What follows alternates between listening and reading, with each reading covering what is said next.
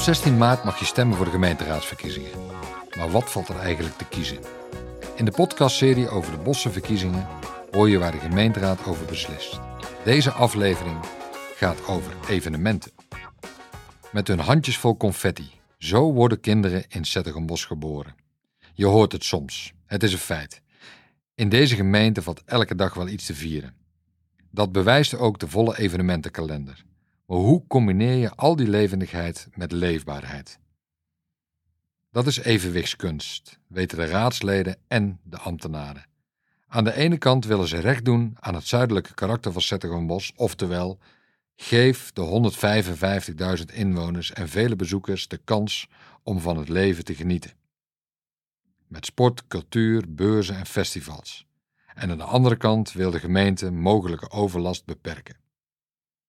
Wanneer de gemeenteraad beslist over evenementen, zijn er verschillende afwegingen. Geven we voorrang aan evenementen voor jongeren? Of bijvoorbeeld aan evenementen die gratis toegankelijk zijn? Eisen we dat de organisatoren rekening houden met het milieu? Of op welke plekken mogen evenementen georganiseerd worden? En natuurlijk hoe vaak. De gemeenteraad heeft besloten dat evenementen duurzamer moeten zijn. En dat is ook de wens van veel bezoekers en van de evenementen zelf. Steeds vaker maken ze gebruik van groene energiesystemen. De elektriciteit die ze nodig hebben, slaan ze op in kolossale batterijen. En dat is een stuk duurzamer dan stroom opwekken met aggregaten die op diesel draaien. Behalve schoner is het ook geluidsarmer.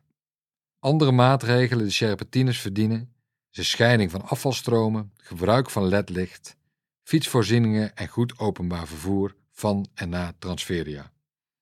Zo wil de gemeente de uitstoot van CO2 terugdringen. Duurzaamheid smaakt ook letterlijk naar meer, vinden sommige evenementen. En op hun menukaart zie je dan ook minder vlees, meer vegetarische gerechten en meer streekproducten. Evenementen maken ook dorstig, zeker als het gezellig is. Maar de tijd van wegwerpbekers is voorbij.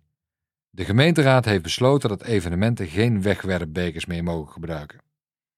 Er komt dit jaar een proef met bekers met statiegeld. Dat scheelt enorm veel afval. En dan het geluidsniveau van elk evenement. Dat is afhankelijk van tijdstip en locatie. Natuurgebied het Bossenbroek verdient meer rust dan bijvoorbeeld een bedrijventerrein. Voor elke plek stelt de gemeente een maximum vast. Maar één geluid mag altijd en voluit. En dat is applaus. Voor een stad die weet wat vieren is. Politieke partijen verschillen over hoe om te gaan met regels voor evenementen. Jouw stem is waar dit proces begint. Jouw stem bepaalt de samenstelling van de gemeenteraad. En zo kan je invloed uitoefenen op die beslissingen die daar worden genomen. Breng je stem daarom uit op 16 maart 2022 tijdens de gemeenteraadsverkiezingen. Meer weten over de verkiezingen? Kijk op www.zettergenbos.nl verkiezingen. Moeite met kiezen? Luister naar de podcast van de politieke partijen of vul de stemwijzer in. Of luister naar een van de andere podcasts over de bossenverkiezingen. Over wonen, afval of duurzame energie.